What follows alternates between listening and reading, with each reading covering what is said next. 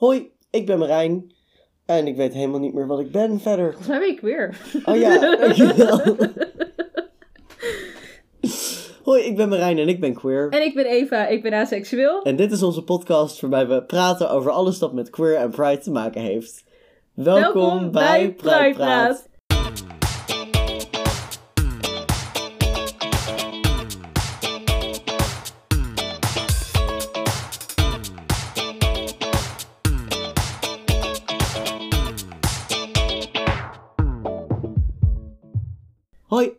En welkom bij deze aflevering van Pride Praat. Yes, aflevering 43.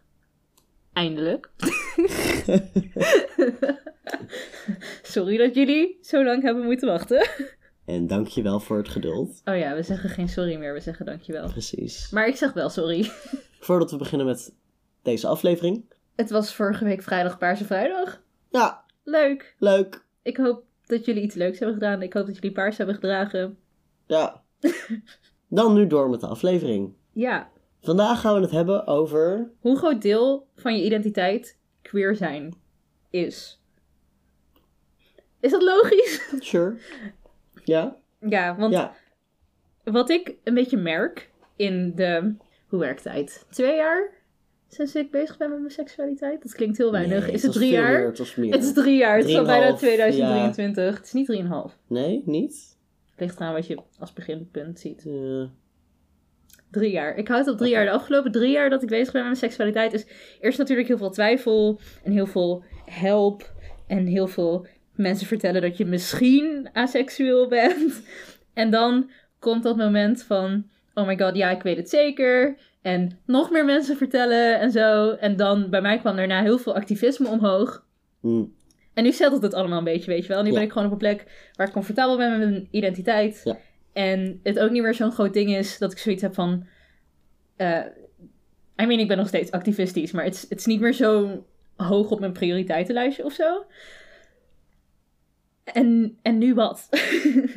nou ja, niet, niet wat komt er nu, maar zeg maar... Nu vind ik het heel moeilijk om te bedenken hoe een groot deel ik aseksualiteit nog van mijn identiteit wil laten zijn. Zeg maar, niet per se ik het wil laten zijn, maar hoe groot deel is het? Zeg maar, hoeveel Ja. van mij is aseksualiteit? ja, hoeveel van jouw asexualiteit heeft invloed op jouw leven? Bepaalt wat jij doet met je leven en hoe je in het leven staat en zo. Ja, Ja.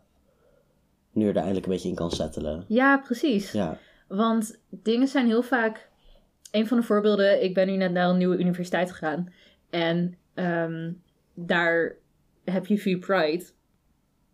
En dat klinkt heel leuk allemaal. Maar je hebt ook alle niet-Pride dingen, zeg maar. En er zijn echt 10.000 verschillende plekken waar ik mensen kan leren kennen. Bijvoorbeeld nou ja, mijn studievereniging en dan nog een boel andere dingen. Maar dan is nu al meteen mijn dilemma van... Oké, maar ga ik voor de Pride dingen of ga ik voor de normale dingen? Norma ja, Mhm. is dat wel Andere. Ja, Ja. ja, Zeg maar, I don't know. En ik, ik, ik weet het nog steeds niet eigenlijk. Kijk, ja, Pride is heel erg leuk en ik hoor erbij, maar dat is niet het enige wat ik ben. Ja, precies. En ik vind het dan, nou ja, en nog wel meer dingen, maar op dit, dit concrete ding waar ik nog steeds mee bezig ben, ook al ben ik al maanden met mijn studie bezig, zo van, waar ga ik heen? Hmm. ik weet het niet. Ja. Iets wat net heel even bij naar boven kwam toen jij een beetje het had over dat stukje activisme en zo. Aha. Ben ik wel benieuwd naar hoe is dat dan. Hoezo is dat dan de eerste drie jaar, bijvoorbeeld onder andere dat activisme en zo, zo heeft dat zo'n grote rol gespeeld voor jou? Ehm, een goede vraag. I mean, activisme speelt nog steeds wel een grote rol hoor. Maar het is gewoon mijn asexualiteit op zichzelf niet per se zoveel meer. Maar ehm, ik denk gewoon omdat ik net door dat hele proces heen was gegaan van... Yo, ben ik asexueel of niet? En dan, dan ben je daar doorheen en dan denk je... Wow, dit was zoveel makkelijker geweest als er gewoon meer informatie was geweest. Ja. En als er meer bekendheid was en Ja. zo. En dan, ik weet niet. Voor mij, ik, ik zeg niet dat het voor iedereen zo gaat, maar voor mij was het echt uit de kast, boem, activisme. Ja, En deze podcast en zo, weet je wel, dat soort dingen. Dit, dit tel ik Ja. ook soort van ja, als activisme. in een zekere zin. Ja, Heb jij geen activismefase gehad? absoluut wel. Absoluut wel. Vooral rondom eh, mijn gender meer dan mijn seksualiteit. Mhm. Ehm, heb ik heel erg een activisme fase gehad. Een soort van educational activisme. Mhm. Dat ik gewoon eigenlijk mijn standpunt was: Hallo, er is te weinig bekendheid hierover. Dus ik ben een soort van wandelende encyclopedie. Gebruik mij. Stel al je vragen aan mij. Ja. Waarvan ik nu achteraf zo zit van: Oh, daarin ben ik echt over grenzen heen gegaan. Want Mhm. mensen die niet relevant zijn, hebben daardoor vragen gesteld. En ik heb daar antwoord op gegeven omdat ik dacht dat dat maar moest. Ja. Ik merk dat ik recentelijk in een nieuw soort activisme ding zit, meer. En dat is, heeft ook met gender te maken, maar een stukje breder getrokken. En dat gaat dan over in het algemeen de maatschappelijke rol van mannen en mensen die geen man zijn. is iets waar ik op dit moment heel erg mee bezig ben. Omdat ik ook merk dat ik... Ik heb recentelijk een heel onaangename aanvaring gehad... die mij niet was overkomen als ik een man was geweest. En sindsdien merk ik dat ik mij niet meer comfortabel voel met mijn genderexpressie. ja, nee, dat snap ik. Ik keek heel Ja. geschokt, maar Ja, eigenlijk ben ik dat niet. nee, het is heel logisch. Ja. Want ik presenteer mij als vrouwelijk en als gevolg daarvan denkt iemand dat ik een bezit ben dat je zomaar waar je alles mee mag doen wat je wil. En daardoor voel ik mij gewoon niet meer comfortabel en veilig in een genderexpressie die mij in het verleden juist extra kracht heeft geboden. Dat is ook waarom ik op een gegeven moment zo'n enorme wardrobe change had van mannelijk naar vrouwelijk. Is omdat ik juist heel veel kracht kan halen, of kon halen, uit die vrouwelijkheid. En ik merk dat dat me nu is ontnomen. En dat vind ik echt heel kut. Daar word ik boos van. Ik heb ook, ben recentelijk naar de kapper geweest en nu is mijn haar korter. Maar het is wel vrouwelijk korter. En ik merk dat ik dan niet volop kan genieten van mijn kapsel. Terwijl ik eigenlijk wel al maanden mijn haar zo wilde hebben, weet je wel. Dat soort dingen. En ik merk dat dat een heel erg, heel erg passievolle woede in mij oproept. Die ik dan probeer te channelen in een vorm van activisme. Omdat, ja, mijn andere optie is de hele dag me kapot vreten. Zeg maar, van binnen helemaal opeten in, in woede en boosheid om hoe dingen in elkaar zitten. En dat is ook zonde. En ik merk dat dat inderdaad op dit moment ja, ik weet niet. Ik vind het lastig om dan te zeggen hoe groot deel van mijn identiteit dat is. Omdat ik niet het gevoel heb dat het een keuze is. Mhm. Hier hebben we het natuurlijk in andere afleveringen ook over gehad. Dat mijn identiteit, dat stukje mijn identiteit is Mhm. activisme. Ik kan niet, zeg maar, ik heb in deze maatschappij dusdanig een, een, een, een plekje dat ik niet zomaar gewoon makkelijk kan bestaan en mijn leven kan leven. Mhm. En ik word constant geconfronteerd met mensen die kritiek hebben op mij als hoe ik ben, zeg maar, hoe ik mij identificeer en mij mijn mensenrechten proberen af te nemen. Dus ik moet wel. En daarom vind ik het lastig om het echt te plaatsen als een stukje identiteit of persoonlijk, ja, niet persoonlijkheid, maar een stukje identiteit. Want het is niet iets dat ik wil. Ik wil, dat, ik wil me er niet mee identificeren met dat activisme en, en zo. Ehm, en ik merk dat ik bijvoorbeeld, ik heb nu een nieuwe tandarts. Ik was vorige week voor het eerst bij die tandarts. En ik had bij mijn aanmelding gezet dat ik non-binair was. En ik kwam daar binnen. En die tandarts, die zegt, ik had op je formulier gezien dat je non-binair bent. Hoe wil je aangesproken worden dan? Eh, die hun gewoon. En ik was echt zo van, ja, inderdaad. En ik dacht echt, alles in mij was zo van, kijk, en dit is hoe het hoort te gaan. Mhm. Dit is, en dat is waar ik me het eigenlijk mee wil identificeren. Ja. Gewoon normaal dingen gaan zoals ze gaan. Maar dat kan niet. Ja. Ehm, en ja ik, ja, ik weet niet. Ik vind het ook lastig omdat nu natuurlijk voor mij vooral hoe ik erin sta heel erg gevoed wordt door echt heel intense woede, Mhm. voornamelijk. En ik het, de, aan de ene kant is dat zo groot en overweldigend en sterk dat dat ook iets is wat het dan moeilijk maakt om je er niet mee te identificeren, omdat het zo Mhm. aanwezig is de hele tijd. En aan de andere kant is het dan ook zo van ja, maar ik weet niet of ik me wel zo sterk wil identificeren met zo'n heftige emotie. Het is heel dubbel allemaal. Ehm, dus dat is een beetje hoe ik in dat stukje activisme sta. En stel dat je... Oh ja, ja, dit gaat dan niet meer over activisme, maar... Ja. Cishet passing was, Ja. maar wel queer. Ja. Was je dan nog steeds naar die... LGBT Was het een LGBT-tandarts? LGBT-kapper. Dat was je. Je was naar een bepaald iets Oh, geweest. Ik was naar een kapper die LGBT-vriendelijk was. Ja, oké. Ja. Was je dan nog steeds naar die specifieke kapper geda- gegaan, denk je? Eh, dan was het minder. eh, nou ja, ligt eraan hoe ik me had geïdentificeerd natuurlijk. Want je zegt cis straight passing. Ja, ja, ja. Ehm, dat zo identificeer ik me niet. En je zegt wel queer identiteit erbij, Ja, ja, ja. zeg maar. Ehm, stel, het was zo geweest. Ik was bijvoorbeeld, ik zeg maar wat, een transman. Biseksuele transman die cis-passing is. Mhm. Dan. En mijn stijl was dusdanig geweest. Dat gewoon kort haar of whatever. Gewoon like relatief mannelijk kapsel. Mensen kijken naar mij en denken. Oh, dat is een man. En ik voel dat zo, ik identificeer me daarmee. Dan had ik niet extreme moeite genomen om een kapper te zoeken die inderdaad queervriendelijk is. Mhm. En nu was ik genoodzaakt. Want elke kapper waar ik kwam, was de enige optie man of vrouw Mhm. om je haar te laten knippen. En voorheen, vroeger, wat eerder in mijn transitie, ehm, vond ik die concrete keuze nog niet zo heel heftig. Voordat ik transitioneerde, koos ik voor vrouw, want ik was een vrouw, zeg maar. Tenzij het dan gaat over zoiets als je haar laten knippen. Want ik had zoiets van, ja, maar ik ben wel een man, dus ik wil een mannenkapsel, weet je wel, dat. Maar verder is dat vrij makkelijk, want biologisch gezien was ik nog volledig een vrouw. Het enige wat aan mijn man was, was mijn gender, hoe ik me identificeerde. Ja. Ehm, en toen ik begon met mijn transitie en mij nog identificeerde als man, ging ik gewoon voor alles makkelijk naar man. Want ik was, toen was ik wettelijk ook man en dat was allemaal heel makkelijk. Ik ben op dit punt geen van beide. Ook fysiek heel sterk.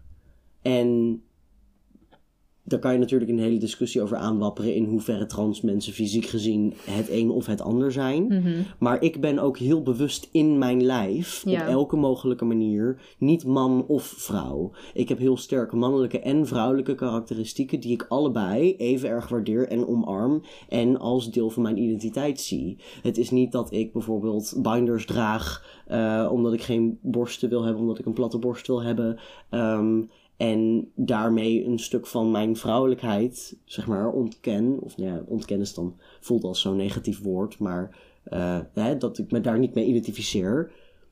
Dus ik, voor mij is er oprecht geen keuze te maken tussen man en vrouw op dit moment meer. En dan kom je er ineens achter hoe weinig plekken daarvoor accommodaten. Mhm, Dat merk ik heel sterk. Dat merk ik echt heel sterk.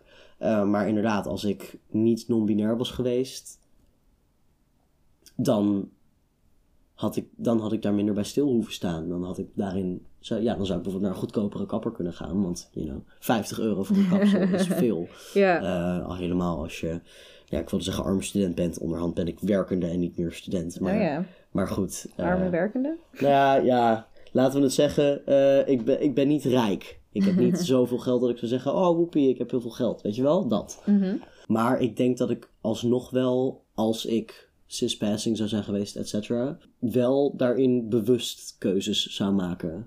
Ik zou niet gaan naar een plek waarvan ik weet dat zij heel neerbuigend zijn over queer mensen of, of whatever. Mhm. Ehm, ongeacht van mijn persoonlijke gevoelens daarover. Ook omdat ik dat doe met, ondanks dat ik wit ben, probeer ik daar ook heel mindful over te zijn met plekken. En, Ja. weet je wel, getinte mensen, mensen met eh, zwarte mensen, et cetera. Ja. Ik wil niet naar plekken die, waarvan ik weet dat ze actief of semi-actief discriminerend zijn. Dus in die zin was ik er sowieso wel op die manier mee bezig geweest. Ja.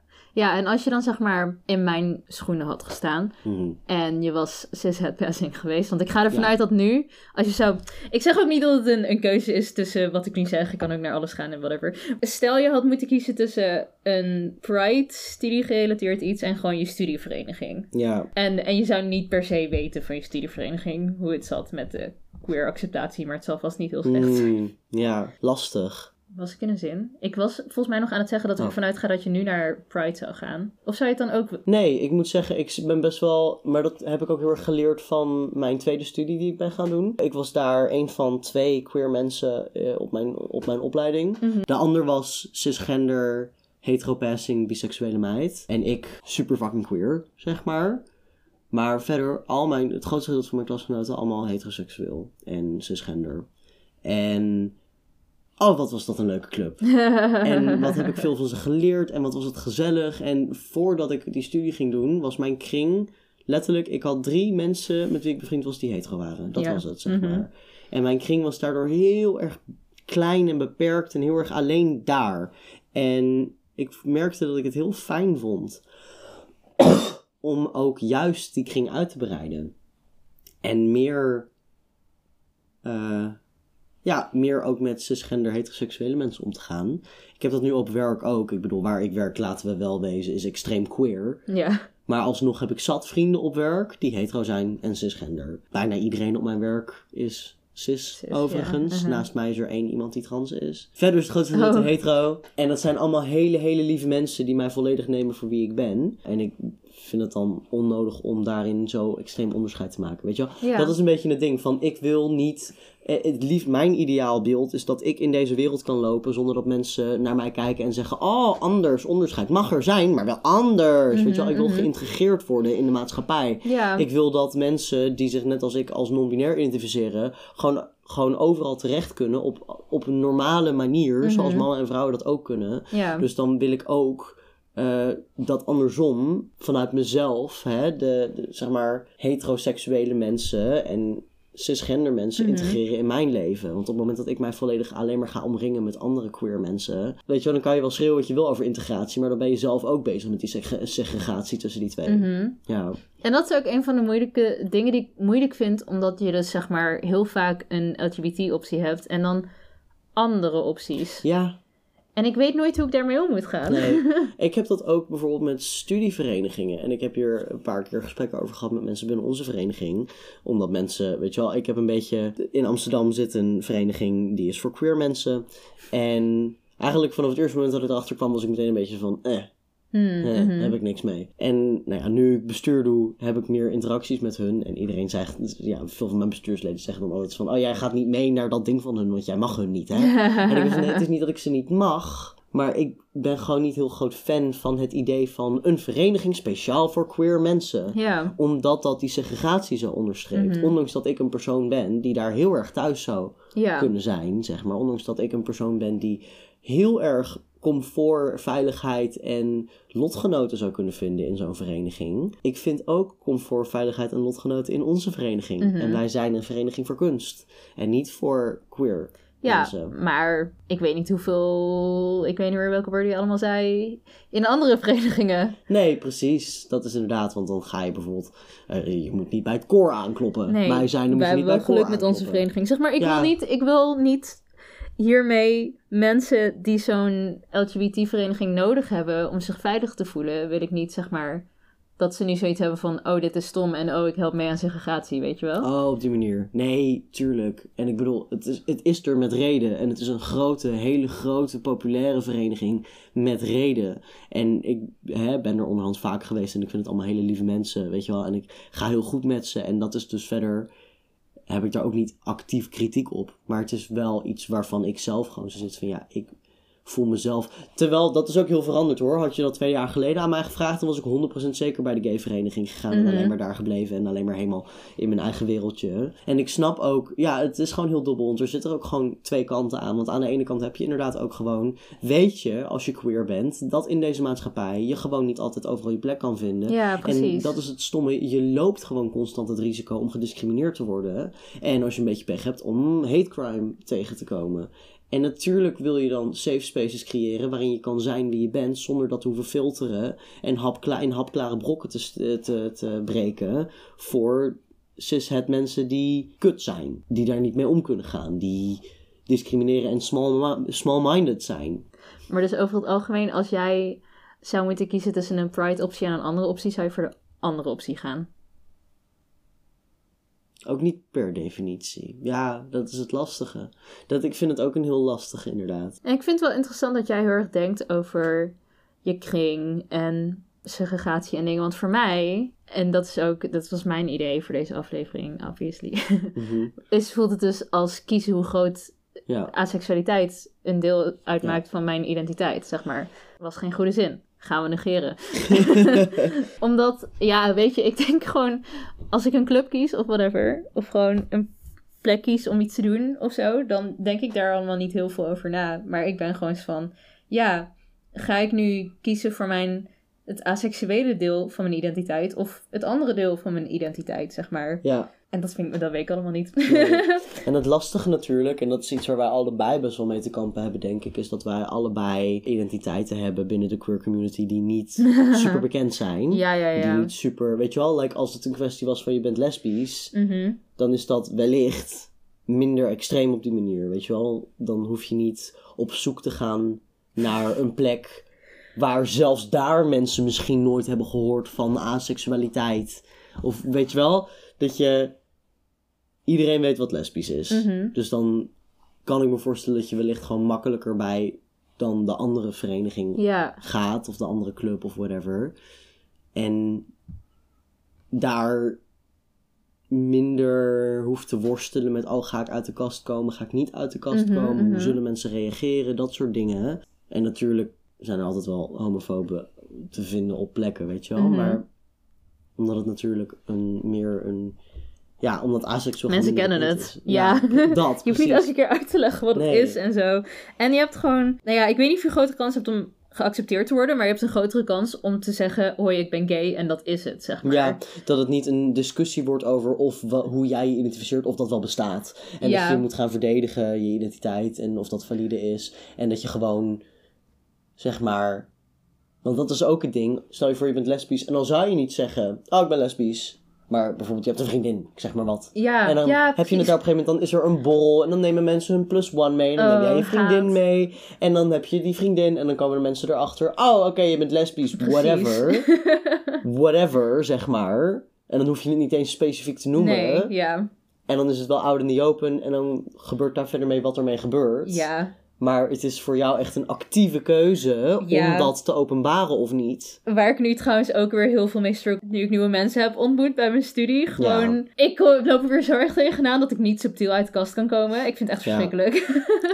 Ja, maar goed, wat ik wilde zeggen nog, ik vind het heel interessant dat je dit punt maakt, want het feit dat mijn identiteit zo onbekend is, zorgt ervoor dat ik soms ook juist minder snel naar LGBT dingen ga ja, omdat ik niet weet of ze me accepteren, of Nee. ze het snappen. Ik, en nu moet ik zeggen, ik ga er ook niet vaak heen. Ik heb wel Free Pride dan toevallig gevraagd of er ook asexuele mensen waren. En die waren van, ja. ben er nog niet geweest. Ik heb het nog niet kunnen beoordelen. Maar you know, dat is een goed teken. Maar ja. en dit is een hele andere aflevering. Maar ik voel me niet... En dit is niet uit ervaring, maar gewoon meer uit mijn hoofd. Mhm. Ik voel me niet automatisch geaccepteerd in LGBT-spaces. Ja. En daardoor zou ik dan misschien sneller niet naar een Pride plek gaan, omdat ik dan het idee... Ja, op allebei de plekken worden verkeerde assumpties van me gemaakt. ja. Ga ik vanuit. Ik, ik denk dan snel op an- andere plekken, niet specifieke LGBT-plekken, Ja. dat mensen ervan uitgaan dat ik hetero ben. Ja. En ik denk dat op Pride-plekken mensen er heel snel van uitgaan dat ik op zijn minst op vrouwen val. Ja. En dat zijn allebei assumpties die ik niet wil hebben, maar ik heb het idee dat ik dan toch in de eh, cis-het-wereld wat meer kan leven zonder het te zeggen of zo. Ik weet het eigenlijk niet. Misschien is dat in de Pride-wereld ook wel. Maar Hmm. ik heb het gevoel...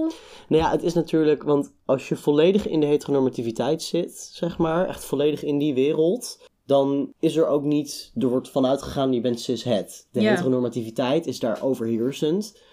Het, er wordt niet gevraagd naar je identiteit. Ja, uh-huh. Eh, er wordt vanuit gegaan dat je hetero bent, totdat het tegendeel wordt bewezen. Dus jij moet actief moeite doen om dat tegendeel te bewijzen. Mhm. Terwijl in de queer-wereld er veel meer bewustzijn is over verschillende vormen van queerheid. En dat vaak ook wel gespreksonderwerpen zijn die inderdaad naar boven komen. Dus in die zin snap ik, Ja.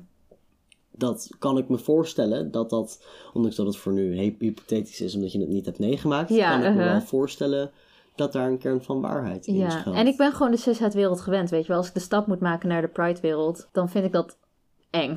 Ja, precies. Ook misschien, of zou ik me voor kunnen stellen, dat een deel dat daarvan ook voort kan komen uit.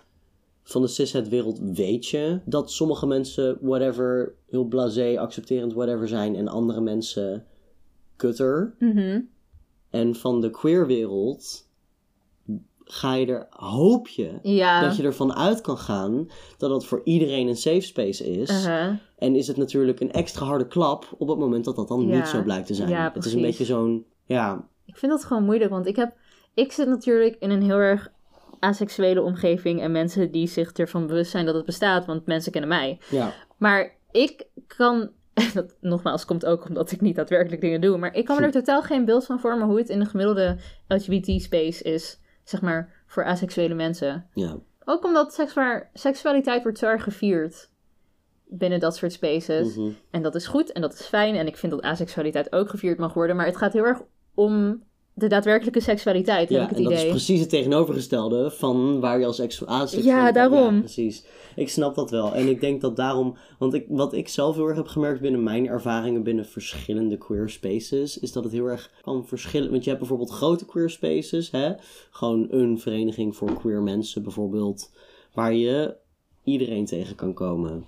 Je hebt ook specifieke plekken voor trans mensen. Mhm. Dat is een heel ander soort sfeer. Je hebt specifieke plekken voor homo's, een heel andere sfeer. Weet je wel? ja. Het is heel En op de afhankelijk. ace-plekken kom ik natuurlijk wel. Nee, precies, precies. En dat is ook, want ik kan me bijvoorbeeld ook voorstellen, als je dan puur inzoomt op een queer space voor iedereen, Mhm. quote unquote, dan, Mhm. dat bijvoorbeeld naast mensen die aseksueel, ook mensen die, ik zeg maar wat, transgender, heteroseksueel, Mhm, mhm. cispassing, Ja. zich niet comfortabel Nee, zouden nee, voelen. inderdaad, zeker. Bijvoorbeeld. Ja. Ik ken meerdere trans mensen natuurlijk. En ik kan een aantal trans mensen bedenken waarvan ik echt zou denken, oeh, die zouden zich zo niet, ja, gewoon niet per se comfortabel voelen Mhm. op een aantal van de queer spaces die ik ken. Gewoon puur omdat het daar juist heel erg het anders zijn heel erg gevierd wordt. Heel erg het inderdaad Oh, ja. het, het, het eh, van de norm afwijken en het lekker eh, ook genderqueer Mhm. heel erg groot is. En inderdaad het actieve vieren van seksualiteit en dat soort dingen. En dan ook het losbandigen daarvan en het, het, het gayen daarvan, zeg maar. Maar met dat gay stukje seksualiteit kunnen ze niet identificeren, want ze Nee. zijn hetero. Mhm. En met het genderqueer kunnen ze ook niet per se identificeren, omdat ja, ze zijn wel transgender, maar ze zijn wel verder heel erg cispassing en ook zwaar conform Ja, de gendernormen, uh-huh. Ja, transgender, eh, zeg maar.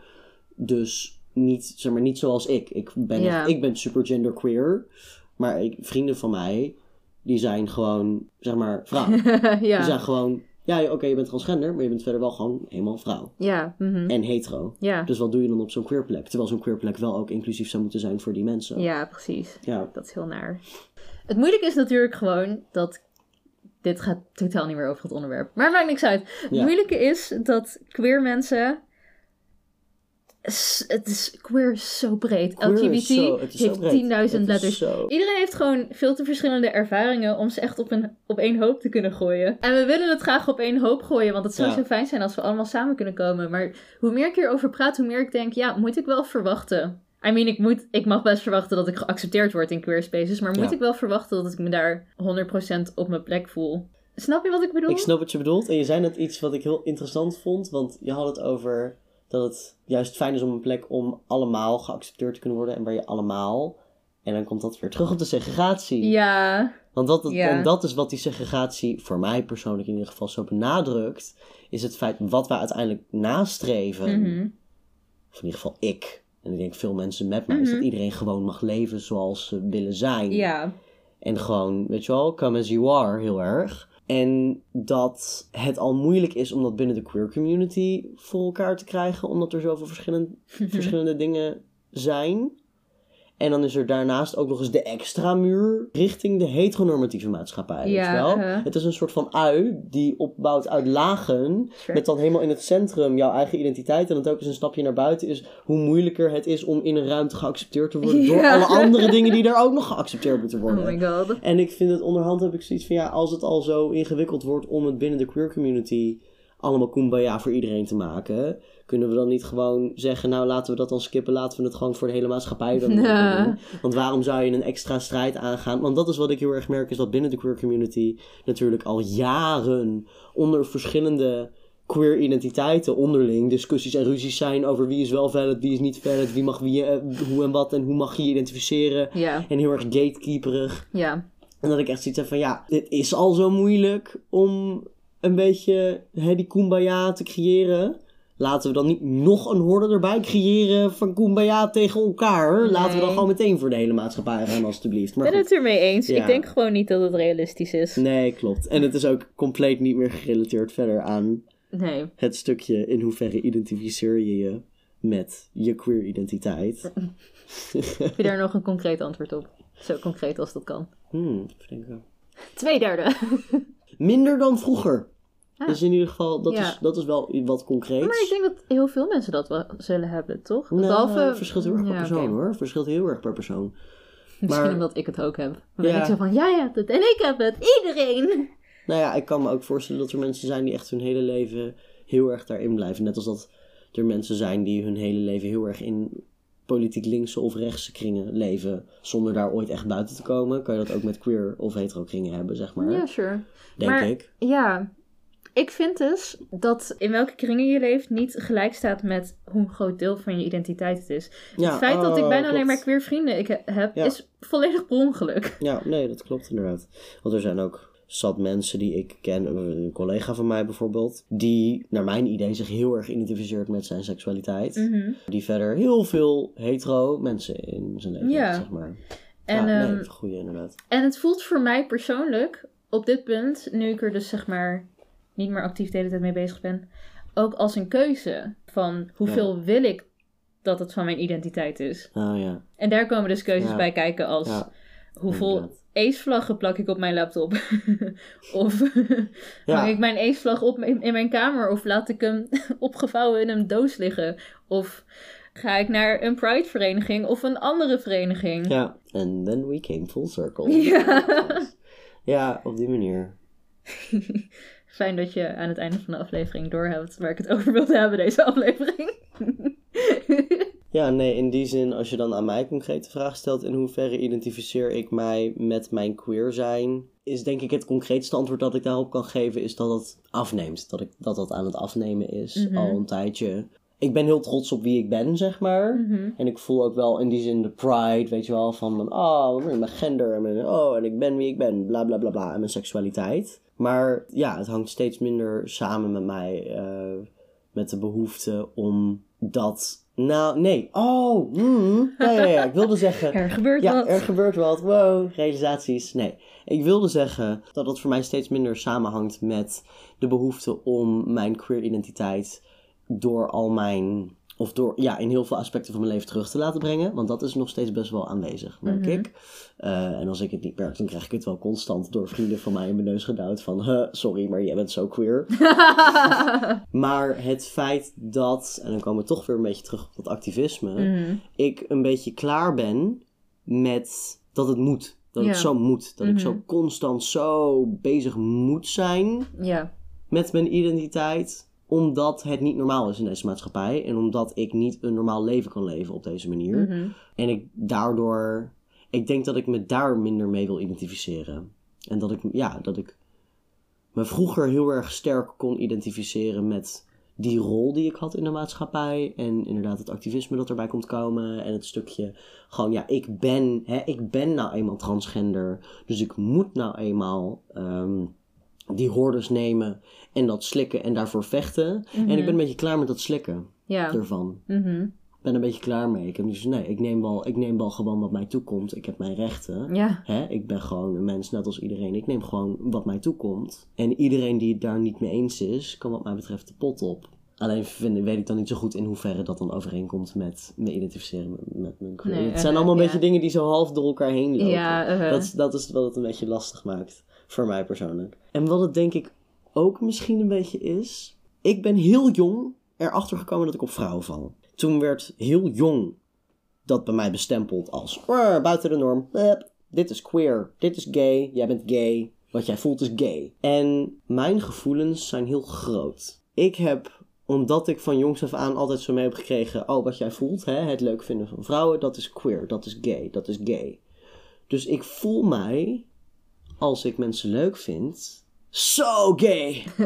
Dat zeg ik ook altijd. Oh, ik ben zo gay. Oh, ik zeg niet, oh, ik ben zo verliefd op iemand. Dat zeg ik ook wel. Ja. Maar meestal zeg ik, oh my god, ik ben zo gay. Oh, Eva, oh, ik ben zo gay voor haar. Oh, ik ben zo gay voor haar. Ze maakt me zo gay. Ik denk dat daarin komt dan weer terug hoe erg taal belangrijk is voor, Mm, mhm. voor gevoelens en identificeren en zo. En dat is ook het aparte, is dat ik dus relatief recentelijk er pas voor mezelf achter ben gekomen dat ik misschien wel biseksueel ben, maar niet biromantisch. Want ik heb nog nooit romantische gevoelens gehad voor een man. Ah, fascinerend. Ik val niet op mannen, romantisch gezien. Ik kan heel veel van mannen houden. Echt heel veel van ze houden. En enorm genieten van ze in bed. Maar dat is voor mij absoluut. Dat, is heel anders. En dan niet anders in de zin van. Oh, wat je voelt als je verliefd bent op een man is anders wat je voelt als je verliefd bent op een vrouw. Anders. Dat kan voor, voor mensen ook anders voelen.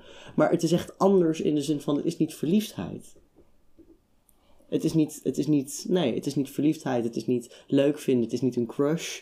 Het is houden van op een heel ander level, een heel andere aantrekkingskracht. En bij vrouwen dat wel. Maar goed, daardoor ben ik dus heel erg actief, omdat ik daar recentelijk pas achter ben gekomen en ik heel lang wel gewoon heb gedacht dat ik ook romantisch op mannen viel, maar mijn gevoelens voor vrouwen zoveel groter zijn, dat heel erg ben gaan identificeren met queer zijn ook. En omdat ik dus zoveel voel en die gevoelens heel groot zijn, voelt het voor mij dus elke keer als ik iemand leuk vind, alsof ik heel gay ben. Dat, ja, dus in die zin identificeer ik me daar heel erg mee, omdat ik dat gewoon zo actief met me meedraag. In hoeverre identificeer jij je dan eigenlijk? Ja, ja. Ik weet het niet. Maar jij hebt dat natuurlijk ook. Jij hebt niet. Nee, bij mij zit het ook heel anders, omdat ik pass meer, sowieso. Ja. Ik weet dus niet zo goed wat ik wil kiezen, want ik vind... Ja, ik zat er dus... Ja, dat is heel concreet, maar ik was dus... En heel random, maar ik was laptopstickers aan het zoeken. Ja. En toen was ik eerst alle Ace dingen aan het bekijken. En toen was ik zo van... Oh mijn god, maar ik heb zoveel meer in mijn identiteit. Mhm. En toen ben ik ook voor dansen en schrijven en shit stickers op gaan zoeken. Nice. Maar ja, ik weet niet. Het is gewoon. Het is wel een, zeker een aanwezig deel van mijn identiteit. Want ik ben er ook best wel af en aan best wel veel mee bezig. Ik heb een podcast erover. Ik zit bij de NOAA. Elke keer dat ik podcast en mijn of ik zeg, terwijl ik bij jou ben, dan klopt dat nooit. Dan voelt het niet goed.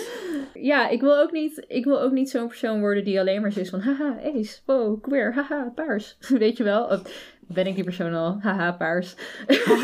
Haha, paarspersoon ben je echt al je hele leven. Sorry, Eve. Ja, en haha, draakpersoon. Ja. Maar ja, nee, ja, ik weet het dus allemaal nog niet zo goed. Ja, ik ga deze week naar mijn eerste V-Pride evenement, maar ook naar mijn eerste niet-Pride evenement. Dat mijn studie gerelateerde. Anyway, goed. Ja. Ik ben nog aan het uitvogelen hoe groot deel ik wil dat het van mijn identiteit is. Denk Ja. ik, is mijn antwoord. Ja, Niet het grootste deel, maar ook niet het kleinste deel. ja. Dus Ik ben in die zin denk ik eh, jaloers op jou, denk ik.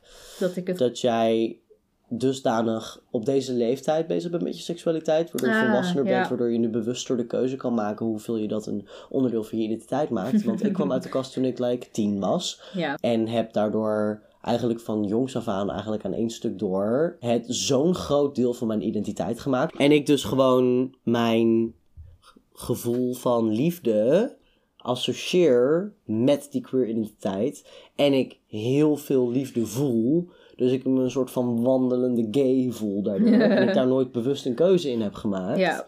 Dan is het tijd voor segments. Transitie-update. Ik ben er dus, wat ik al eerder zei, achter gekomen dat ik me niet meer zo comfortabel voel met vrouwelijke expressie als dat ik zou willen. Dat vind ik jammer. Mhm. Ik heb zelfs de neiging gehad om mijn hoofd kaal te scheren. Mhm. Zo intens. Maar dat Ehm, komt eigenlijk door een gebeurtenis, Ja. toch? Nou ja, dat is dus, dat is wat, dat, dat zette mij dus aan het denken. Want het is wel oprecht dat ik op dit moment merk dat ik mij bijvoorbeeld, ik draag de laatste, ik heb afgelopen week heel vaak een blouse met een hele nette broek aangehad Mhm. als kleding. En daar voelde ik mij heel erg comfortabel in, terwijl het super mannelijk was. Mhm. En dat zette me heel erg aan het denken, ook omdat ik ineens heel erg die neiging voelde om mijn genderexpressie weer volledig om te draaien en helemaal weer mannelijk te worden. Van, oh ja, dat is blijkbaar ook een ding dat kan zijn, dat gewoon je genderidentiteit op zo'n manier toch beïnvloed kan worden door positieve of nare ervaringen die je met een bepaalde expressie kan hebben en hoe dat dan ontwikkelt en zo.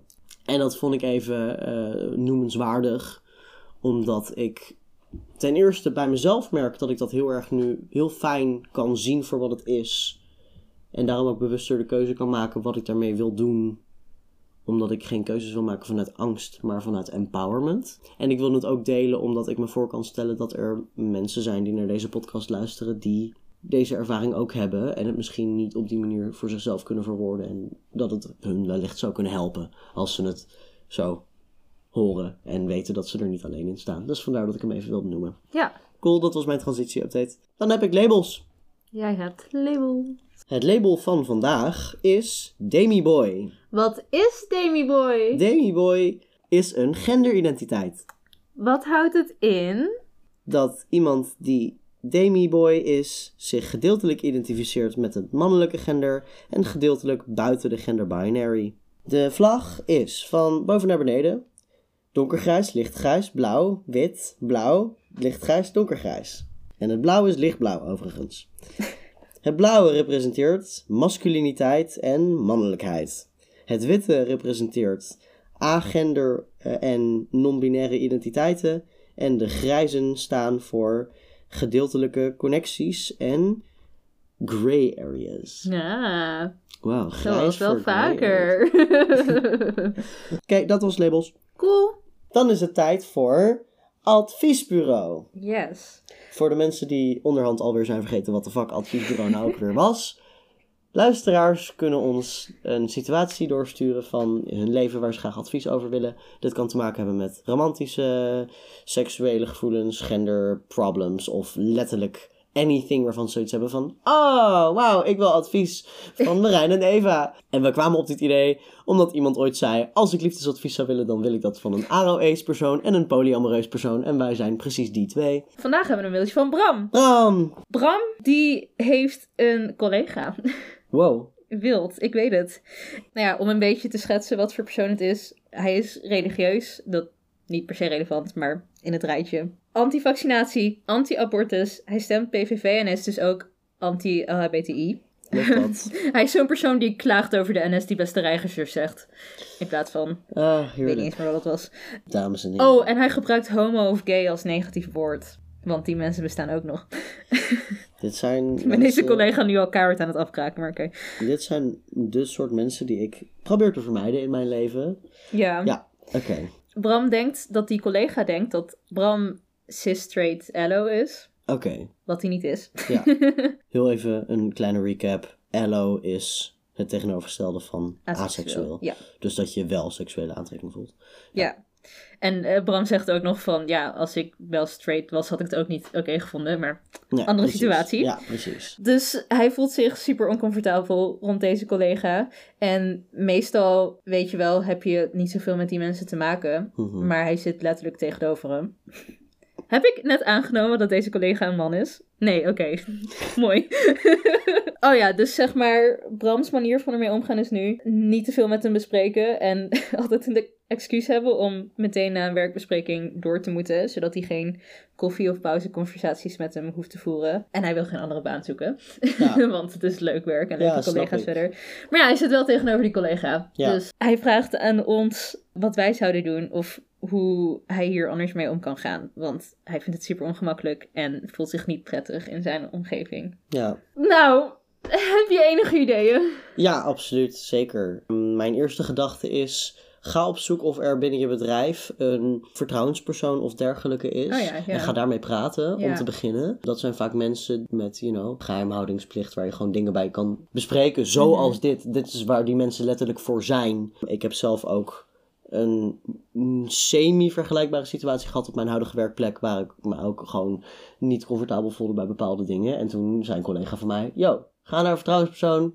Die kunnen je helpen. Dus dat is mijn eerste advies. Dus ga naar een vertrouwenspersoon. Verder zou ik persoonlijk in deze situatie als semi-lange termijn doel stellen om ervoor te zorgen omdat ik binnen afzienbare tijd niet meer tegenover deze persoon zou zitten. Oh, dat is wel slim. Dat is gewoon, gewoon kijken of dat, want dat moet, dat moet te regelen zijn. Op het moment dat jij ergens werkt, dan ben je daar zo'n groot gedeelte van je tijd. En natuurlijk, jouw werkplek vindt jou ook een waardevolle werknemer. Dus die wil graag dat jij blijft werken daar. Jij wil daar graag blijven werken. Je wil graag samen dat dat zo fijn mogelijk is. Want hoe, hoe prettiger jij je voelt op die werkplek, hoe, productieve, eh, hoe productiever jij bent in je werk dat je levert. Dus ja, ik zou gewoon kijken of ik van werkplek zou kunnen veranderen of hem op een andere werkplek kan laten zetten. En daarin is dan denk ik de eerste stap naar een vertrouwenspersoon gaan. En dan samen met die vertrouwenspersoon uitvogelen. Goh, hey, hoe kunnen we hier, hiermee naar een manager of whatever stappen? Iemand hogerop die hierin mee kan denken hoe we dit kunnen aanpakken. Dat is denk ik eh, mijn meest concrete advies. Dat is zo slim en iets waar ik totaal niet over na had Nee? Oh, nee, ik las dit en ik was echt van...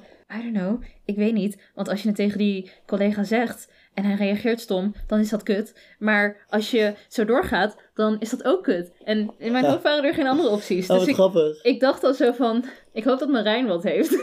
Ik vind het heel grappig, want ik zat echt in mijn hoofd echt volledig van... Ja, ik ben nu natuurlijk de meest obvious dingen ooit aan het zeggen. En iedereen heeft het echt al lang bedacht. Dus ik ben nu gewoon basically aan het preachen. eh, I'm preaching to the choir, zeg maar. Wat ik overigens ook zou doen, en dat zou ik pas doen nadat ja, ik van werkplek gewisseld zou zijn. Af en toe, op momenten dat ik me daar comfortabel bij voel... kleine confrontaties aangaan met deze collega... ja. Om hem op zijn gedrag te wijzen. Mhm. Gewoon omdat ik ervan hou om het beetje activisme. Gewoon Ja. van: hallo, heb je door wat voor shit persoon je bent? Niet letterlijk dat zeggen, want dat werkt niet. Mhm. Maar gewoon hoe ik dat zelf vaak vormgeef, is als mensen. Want vaak komen dit soort dingen naar boven in de vorm van opmerkingen en grapjes. Maar ik snap het niet. Ja, oh my god. Oh, huh? Ik snap niet wat je bedoelt. Kan je dat even uitleggen? te doen, ja. Dus gewoon of stil blijven en ze aankijken van, huh, ik snap het niet. Gewoon om mensen aan het denken te zetten. En het gaat er niet om dat je de discussie wint. nee, het gaat erom dat je die mensen aan het denken zet, zodat ze zelf ietsje meer... Want dat is vaak, of nou ja, vaak genoeg dat die mensen gewoon shit naratelen, zonder zelf echt na te denken over waar ze nou mee bezig zijn. Ja. Wat je wil is dat mensen na gaan denken. Bram, ik hoop dat je er wat aan hebt. Hou ons Ja. vooral op de hoogte als je wil. Als je een van Marijn's tips opvolgt. Ik wilde zeggen onze tips. Ik heb niks gezegd. We zijn erg benieuwd. Ja, inderdaad, inderdaad. En dankjewel voor je inzet. Oh ja, heel erg. Dankjewel. En dan is het nu tijd voor theekransje. Wat was het meest recentelijke ding waardoor jij zoiets kreeg van... Oh shit, fuck, fuck, fuck, fuck, fuck. Gewoon, oh shit, fuck, fuck, fuck, fuck. fuck. Ja, kan zijn dat je bijvoorbeeld je wc... Toilet, toilet, nee. Wc-toilet. Ik wilde zeggen je telefoon in de wc niet vallen. Ja. het ging soepel. Ja. Kan ook zijn dat je, weet ik veel, heet water over jezelf heen gooit. Lekker luchtig. Wat was het laatste moment dat jij dacht... Ah, shit, fuck, fuck, fuck, fuck. Ik kan echt even niks bedenken. Ik kan of hele kleine dingen bedenken. Ja, kleine dingen zijn ook oké. Oké. Ha. Echt moeilijk. Als je zegt het laatste domme ding dat je hebt gedaan, dan denk ik aan die keer dat ik vroeg tijdens het programmeren. Is it something wrong with the code? Toen we, toen we een error kregen. ik was om zes uur slapen en ik was zo moe. Also dat ik twee boeken heb gekocht. Oeh, welke boeken? De prijs van water en Roborecht. Oké. Was op Comic Con. Maar ik denk dat de conclusie is dat ik gewoon geen domme dingen doe in mijn leven. Oh my god. Ik ben het er zo niet mee eens. Slay, girl. Slay for you. ik kan jou wel wat van mijn domme dingen geven. Want ik doe echt ineens door alleen maar domme dingen met mijn leven. Nou, dat is niet waar. Ja. Maar ik maak wel constant dezelfde fouten. Waarvan ik dan heel erg goed ik ook. Van tevoren tegen mezelf zeg. We gaan dit niet zo doen. En dan doe ik het toch wel zo. Weet je nog wat ik zei toen ik opeens veel te diep werd? Over Ja. ik heb het gevoel dat ik nooit iets leer in mijn leven. Eh, maar goed, van de week heeft een vriendin van ons ook nog een appje gestuurd daarover. Dat ze was van, soms dan leer je iets en dan heb je het. En dan moet het weer even helemaal misgaan. Zodat je de les opnieuw tot je kan nemen. Ja, maar en dat is ik wel... vind het zo frustrerend dat dat de hele tijd door blijft gaan. Het leven is cirkels en dat vind ik niet leuk. Waarom is het leven geen stijgende lijn? Ja, gelukkig worden die cirkels wel steeds kleiner. In de zin van, als je heel erg op de lange termijn kijkt, zeg maar, is het wel een stijgende lijn. Ja.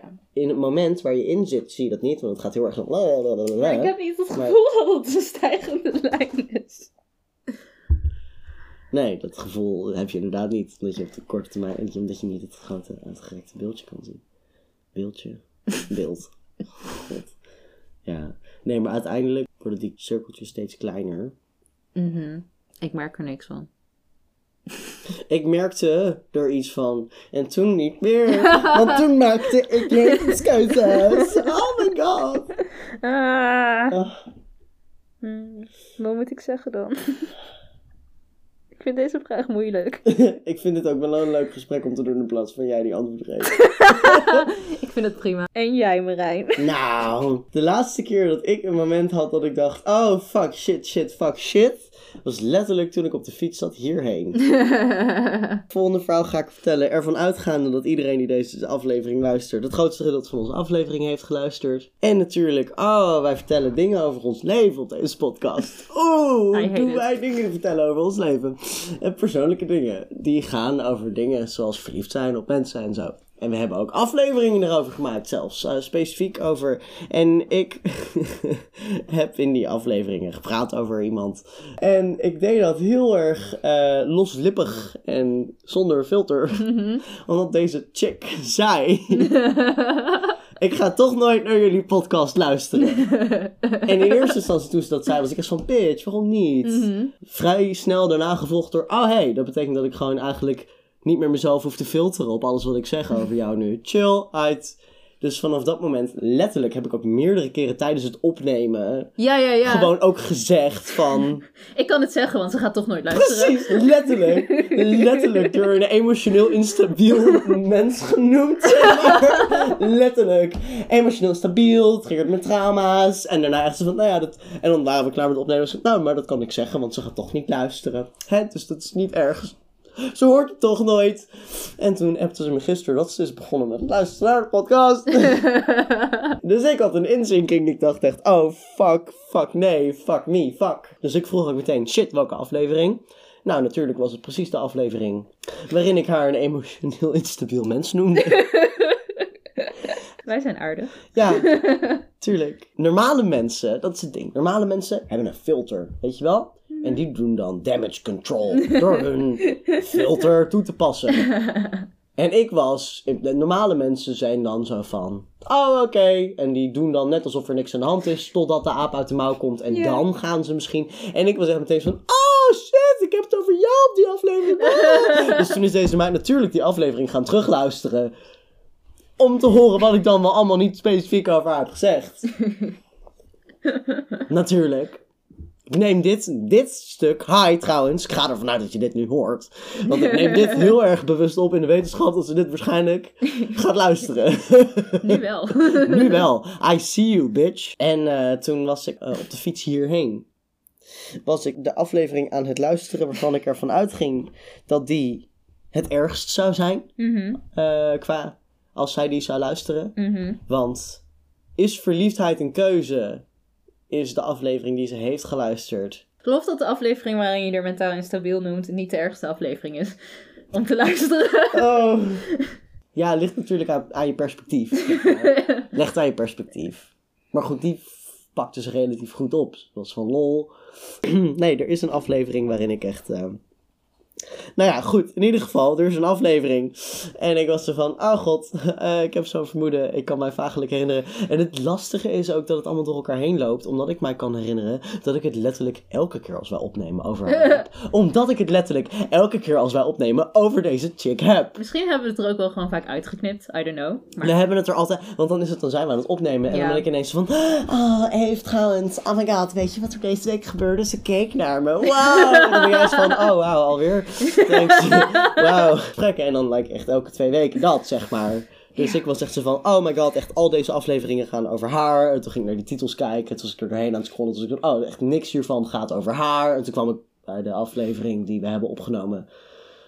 Letterlijk, echt vlak na mijn hele, oh my god, ik vind jou nu leuk. Dus dat is gewoon ik die echt zo al mijn baggage shit dump daar, zeg maar. En ik was dat aan het luisteren op de fiets. En echt, ik zat echt aan één door, echt gewoon letterlijk hardop op de fiets. Fuck, fuck, fuck, fuck me. Oh, fuck me. Fuck shit, fuck me, fuck. Te zeggen. Uh, mensen vonden dat heel grappig en interessant als ik langs fietste. Dat was mijn laatste fuck me moment. Dat ik echt, ah, oh, fuck me, fuck. Ja, ik voel hem nog steeds. Oh, fuck me. Goed, dat was mijn laatste fuck me, fuck shit, fuck me momentje. Ik hoop dat ze dit nu luistert. Ja, helemaal Hoi. Hoi.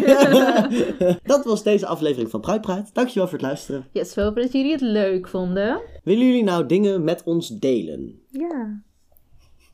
Ja, willen we dat? Gaan we onszelf mailtjes sturen? Ja. Ik heb vandaag... Dan stuur ik een mailtje en dan zie jij het binnenkomen en denk je... Oh my god, Eva, mijn mailtje! Oh my god, Eva, jij bent het. Zoals foto's van je feestelijke baksels, je mooie lampjes, want het is donker buiten de hele tijd. Dus ik hoop dat iedereen lampjes ophangt om het gezellig te maken in het leven.